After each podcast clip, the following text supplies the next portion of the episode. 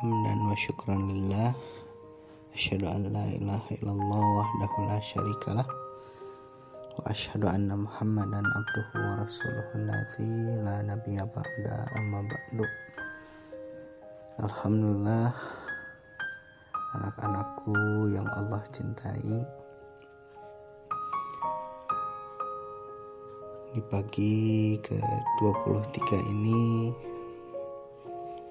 Ramadan ke-23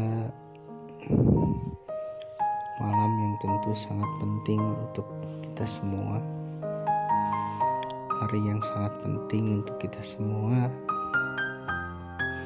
Mengingat kurang lebih satu minggu lagi Ramadan akan berakhir. Tapi sudahkah kita menilai kita melihat amalan apakah yang lebih banyak kita lakukan selama bulan Ramadan ini? Apakah amalan-amalan yang baik? Ataukah justru amalan-amalan yang tidak berbuah menjadi kebaikan? Tentu besar harapan kita semua ibadah kita akan diterima oleh Allah Subhanahu wa taala. Dan apa pun kesalahan yang kita lakukan, baik sengaja ataupun tidak disengaja, selama bulan Ramadan ini akan mendapatkan maaf dan ampunan dari Allah Subhanahu wa taala. Tapi tentu harapan itu harus sesuai dengan apa yang kita lakukan harus sesuai dengan apa yang kita usahakan. Hal yang paling sederhana untuk membersihkan diri kita, kesalahan-kesalahan kita selama menjalankan ibadah di bulan Ramadan ini adalah dengan mengeluarkan zakat. Zakat fitrah seperti yang Rasul jelaskan tuhratan lisoimi wa tu'matan lil masakin. Zakat fitrah akan menjadi pembersih untuk kita yang berpuasa. Orang-orang yang sedang menjalankan ibadah di bulan Ramadan untuk matan lil masakin. Dan untuk menjadi makanan bagi orang-orang yang miskin.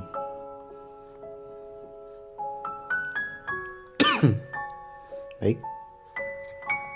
Itu uh, sedikit penjelasan berkaitan dengan ibadah yang perlu kita lakukan ya di akhir bulan Ramadan ini. Tentu saja kalau anak-anak cukup ingatkan orang tuanya barangkali orang tua kita lupa atau membantu orang tuanya mengantarkan titipan zakat ke amil zakat ke masjid misalnya ataupun ke lembaga-lembaga yang memang kita percaya gitu ya. Nah kalau mengeluarkan sendiri kan belum punya uang ya anak-anakmu nah uh, di pagi kali ini bapak ingin bercerita tentang seorang sahabat ahli surga. Kisahnya ini disampaikan oleh Anas bin Malik, seorang sahabat Nabi yang luar biasa. Begitu banyak beliau menyampaikan pesan-pesan Nabi untuk kita semua. Dan di antara pesan itu adalah apa yang akan Bapak ceritakan hari ini ketika beliau sedang duduk dengan Rasulullah.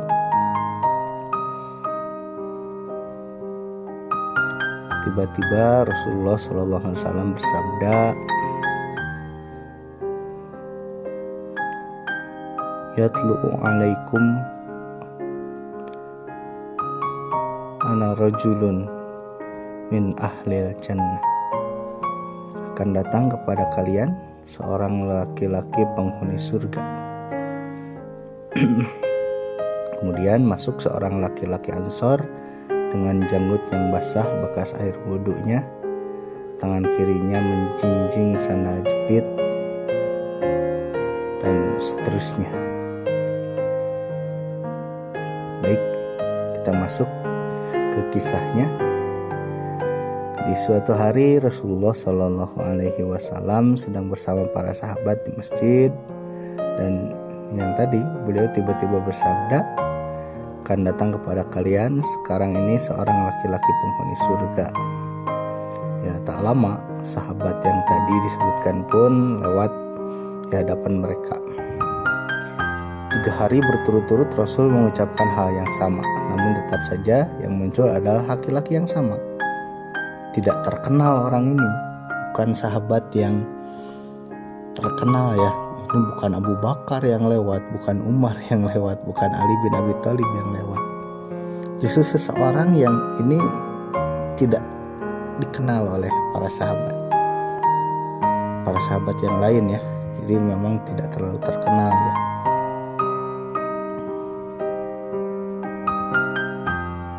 Para sahabat Para sahabat pun akhirnya yakin laki-laki itulah yang dimaksud oleh Rasul sebagai calon penghuni surga.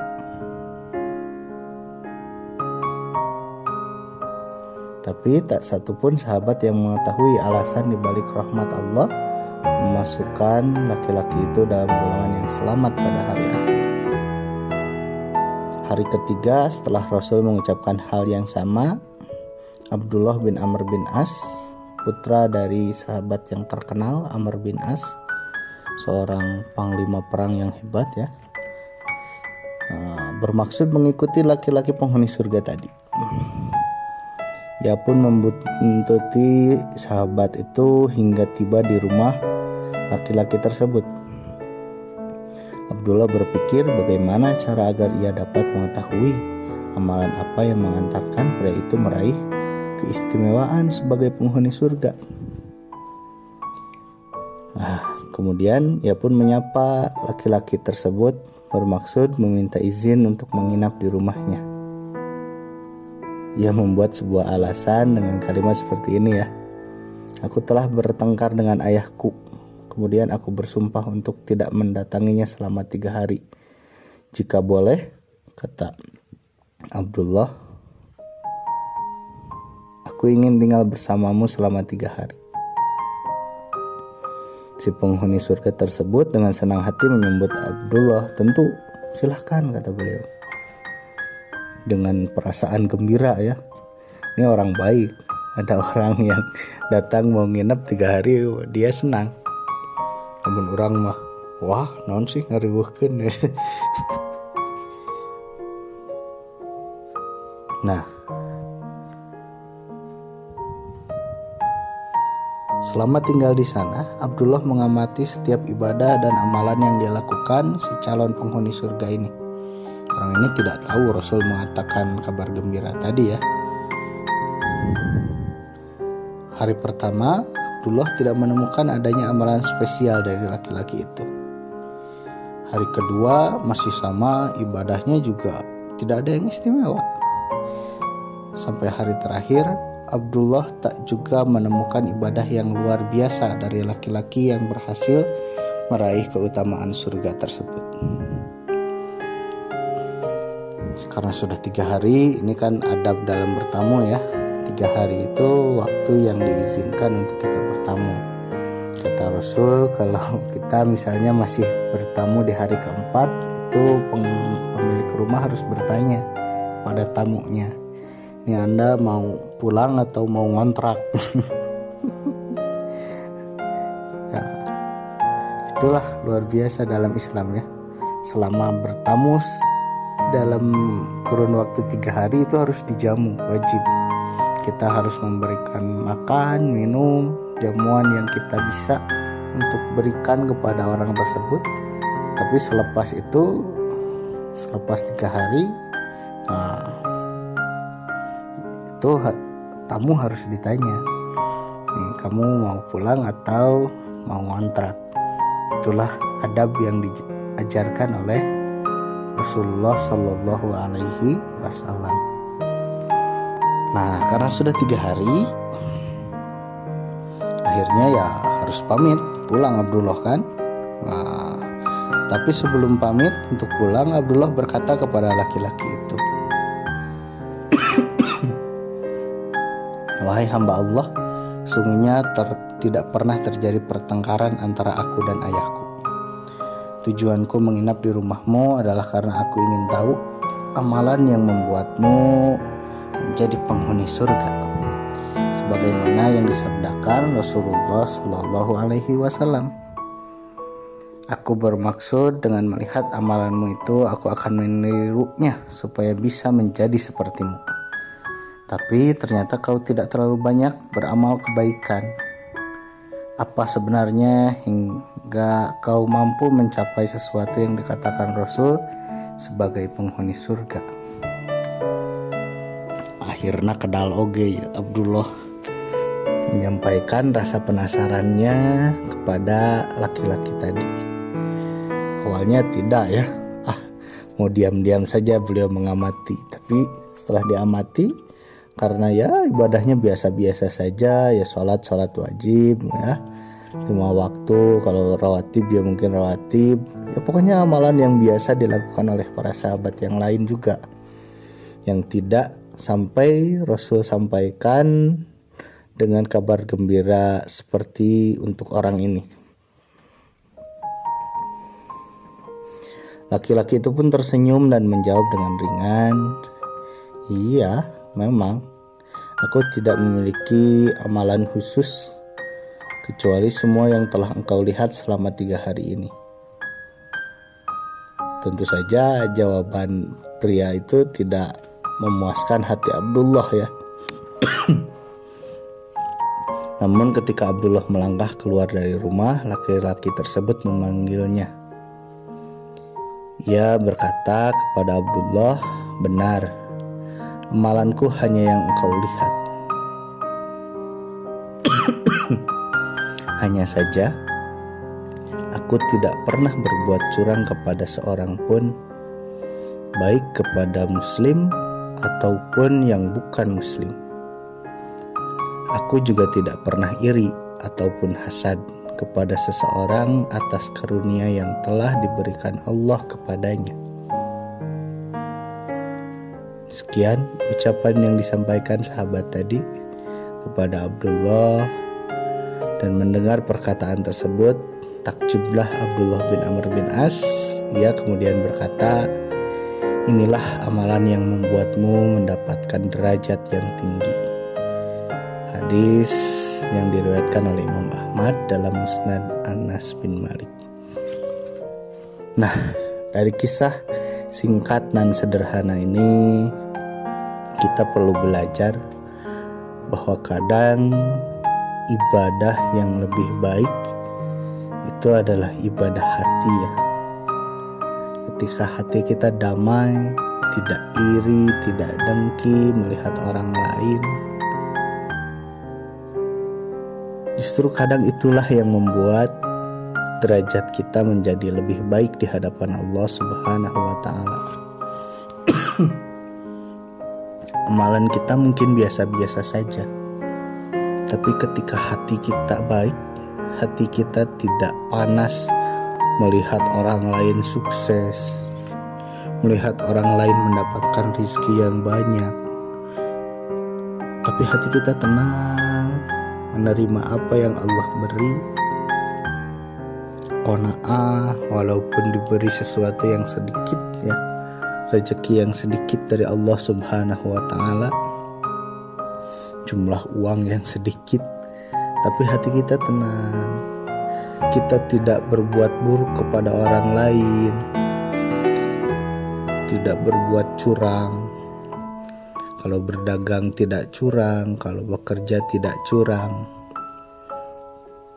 Kalau ya kita hidup bertetangga dengan orang lain tidak mengganggu orang lain. Nah, kadang itulah amalan yang menjadikan seseorang dinilai baik di hadapan Allah Subhanahu wa taala. Makanya Terkadang amalan-amalan ahli surga ini tidak selalu tampak seperti sholat, saum, dan lainnya. Namun bisa berupa amalan hati yang nilainya lebih besar daripada amalan badan kita. Karena amalan badan bisa saja dilakukan dengan tujuan untuk ria ya. Kita sodakoh tapi ria, kita sholat tapi ria, ingin dilihat orang lain, ingin dipandang sebagai orang yang baik. Padahal kita tidak sedang melakukan kebaikan untuk Allah Subhanahu wa taala. Ya ibadahnya tidak ikhlas misalnya. Makanya memperbaiki hati, meluruskan niat seperti ceramah di hari pertama ya.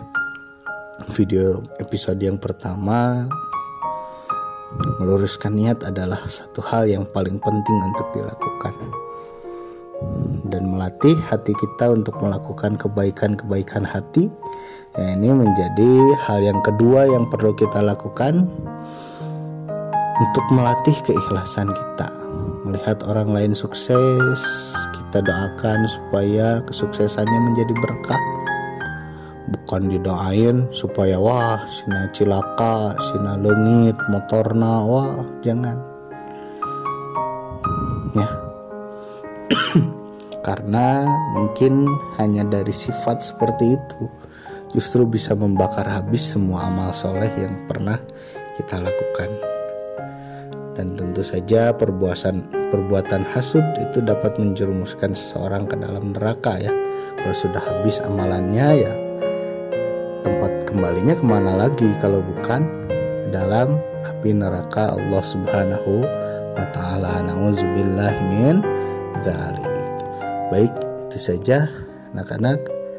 Ini adalah sebuah kisah yang sebetulnya akan cukup tepat jika anak-anak membaca surat Hud ayat ke-108 yang berbunyi A'udzubillahi minasyaitonirrajim. Wa ammal ladzina su'idu fa fil jannati khalidina fiha ma damatis samawati wal ard illa ma syaa rabbuk. Ata'an ghayra majdud majdud dan adapun orang-orang yang berbahagia, maka tempatnya di dalam surga. Mereka kekal di dalamnya selama ada langit dan bumi. Kecuali jika Tuhanmu menghendaki yang lain sebagai karunia yang tidak ada putus-putusnya. Nah, untuk lengkapnya surat Hud itu silahkan dibaca bagaimana terjemahnya. Tapi Bapak di kesempatan kali ini hanya akan menceritakan itu saja ada seorang sahabat yang menjadi ahli surga hanya dengan ibadah yang biasa-biasa saja. Tapi kenapa? Karena ia menjaga hatinya untuk terus baik, tidak melakukan keburukan kepada orang lain, tidak melihat dia muslim atau tidak. Kita tidak tidak dianjurkan untuk berbuat curang kepada orang non muslim ya ini ini buktinya kisah inilah buktinya. Justru kita perlu melakukan keadilan pada orang yang kita cintai maupun yang kita benci. Kita nggak suka sama orang lain jangan merusak barangnya. Justru kalau ada barangnya yang ketinggalan kita pungut kita kembalikan kepada orang tersebut. Dan siapa tahu justru orang tersebut menjadi baik menjadi teman kita ya. Ya gitu anak-anak ya. Jadi kalau ada yang suka membuli misalnya di sekolah di kelas atau di lingkungan rumah kita jangan jadi jahat kepada dia. Justru kita lakukan kebaikan kepadanya. Dan justru mungkin dari sana ia akan sadar bahwa apa yang ia lakukan selama ini adalah sesuatu yang salah dan akhirnya bisa malah menjadi perbaikan ya bisa berteman. Oke itu saja anak-anak. Semoga ada manfaat yang bisa didapatkan dari kisah pagi kali ini. Kita tutup dengan doa. Rabbana atina fid dunya hasanah wa fil akhirati hasanah wa qina adzabannar. Aku qauli hadza wastaghfirullah li wa lakum. Wassalamualaikum warahmatullahi wabarakatuh.